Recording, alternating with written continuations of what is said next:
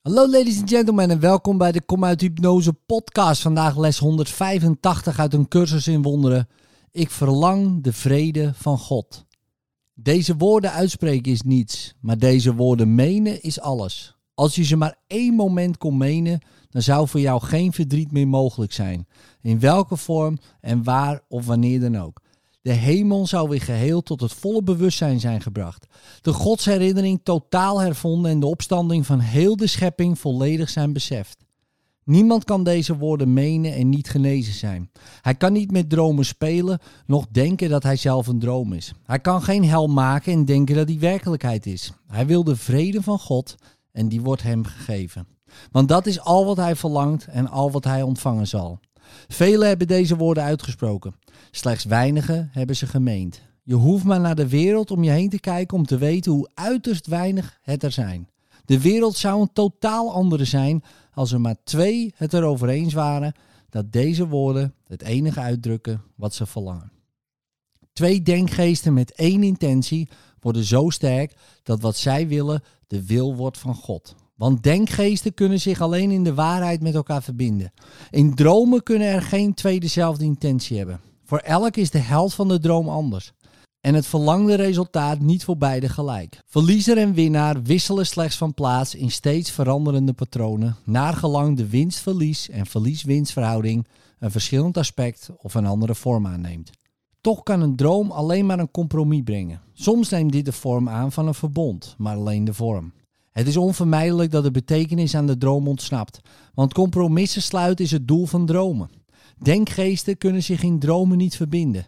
Ze sluiten slechts een handeltje. En welk handeltje kan hun de vrede van God geven? Illusies treden in zijn plaats. En wat hij betekent gaat verloren voor slapende denkgeesten die zinnen op een compromis, elk uit op zijn eigen winst en op het verlies van de ander. Menen dat je de vrede van God verlangt, wil zeggen alle dromen laten varen. Want niemand meent deze woorden die illusies wil en die daarom de middelen zoekt die tot illusies leiden. Hij heeft ze bekeken en te licht bevonden. Nu probeert hij eraan voorbij te gaan, omdat hij inziet dat de nieuwe droom niets meer zou bieden dan alle andere. Dromen zijn voor hem één en hetzelfde. En hij heeft begrepen dat hun enige verschil er één is van vorm. Want de ene droom zal dezelfde wanhoop en ellende brengen als alle andere. De denkgeest die het meent dat vrede alles is wat hij verlangt, moet zich wel met andere denkgeesten verbinden, want zo wordt vrede verkregen. En wanneer het verlangen naar vrede echt is, wordt het middel om die te vinden gegeven. In een vorm die elke denkgeest die er eerlijk naar zoekt, begrijpen kan. De vorm die de les aanneemt, welke die ook is, is zodanig voor hem ontworpen dat hij deze niet verkeerd kan begrijpen, mits zijn vraag oprecht is. Maar als hij zonder oprechtheid vraagt, is er geen vorm waarin de les met acceptatie zal worden begroet en werkelijk geleerd. Laten we vandaag onze oefening wijden aan het inzicht dat we de woorden die we zeggen werkelijk menen. We verlangen de vrede van God. Dit is geen ijdele wens. Deze woorden vragen niet om nog een droom. Ze vragen niet om een compromis en proberen evenmin een nieuw handeltje te sluiten in de hoop dat er misschien toch één is dat slagen kan waar heel de rest heeft gefaald. Deze woorden menen erkent dat illusies vergeef zijn en vraagt om het eeuwige in plaats van wisselende dromen die telkens iets anders lijken te bieden, maar één zijn in hun inhoud. Niets.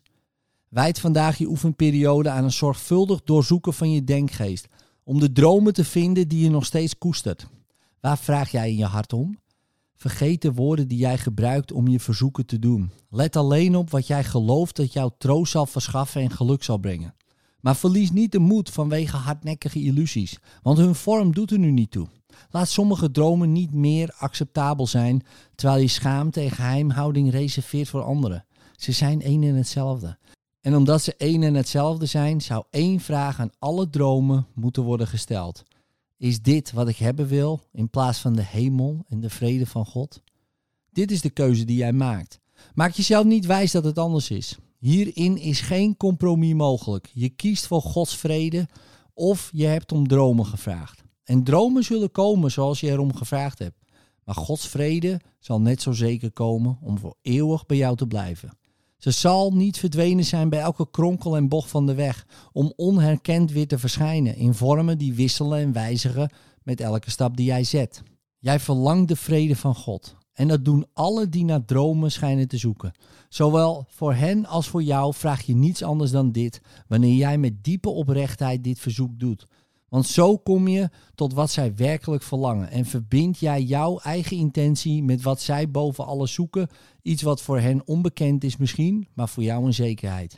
Je bent soms zwak geweest, onzeker over je doel en onduidelijk in wat je wilde, waar je er naar zoeken moest en waarheen je je bij je poging moest wenden om hulp. Hulp is jou gegeven. En zou jij er geen gebruik van willen maken door die met anderen te delen?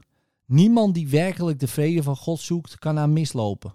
Want hij vraagt er slechts om dat hij zichzelf niet langer misleidt door zichzelf te onthouden wat Gods wil is. Wie kan onvoldaan blijven als hij vraagt om wat hij al heeft? Wie zou onbeantwoord kunnen blijven als hij om een antwoord vraagt dat hem ter beschikking staat om te geven? Gods vrede is van jou. Voor jou werd vrede geschapen, jou gegeven door de schepper van vrede en gegrondvest als zijn eigen eeuwige gave. Hoe kun jij falen wanneer je alleen vraagt om wat hij voor jou wil? En hoe zou jouw verzoek alleen tot jou kunnen zijn beperkt? Geen gave van God kan ongedeeld blijven. Juist in deze eigenschap onderscheiden de gaven van God zich van iedere droom die ooit de plaats van de waarheid leek in te nemen. Niemand kan verliezen en iedereen moet winnen. Telkens wanneer enige gave van God door iemand gevraagd en ontvangen is. God geeft alleen om te verenigen. Wegnemen is voor hem zonder betekenis. En wanneer dit voor jou evenzeer het geval is, kun je er zeker van zijn dat je één wil deelt met hem en hij met jou.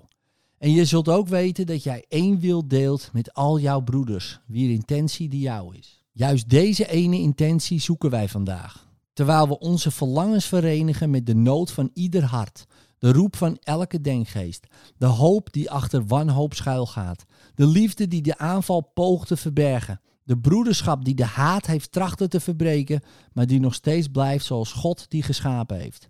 Kunnen we met een dergelijke hulp naast ons vandaag falen wanneer we vragen dat de vrede van God ons gegeven wordt? In liefde, tot morgen.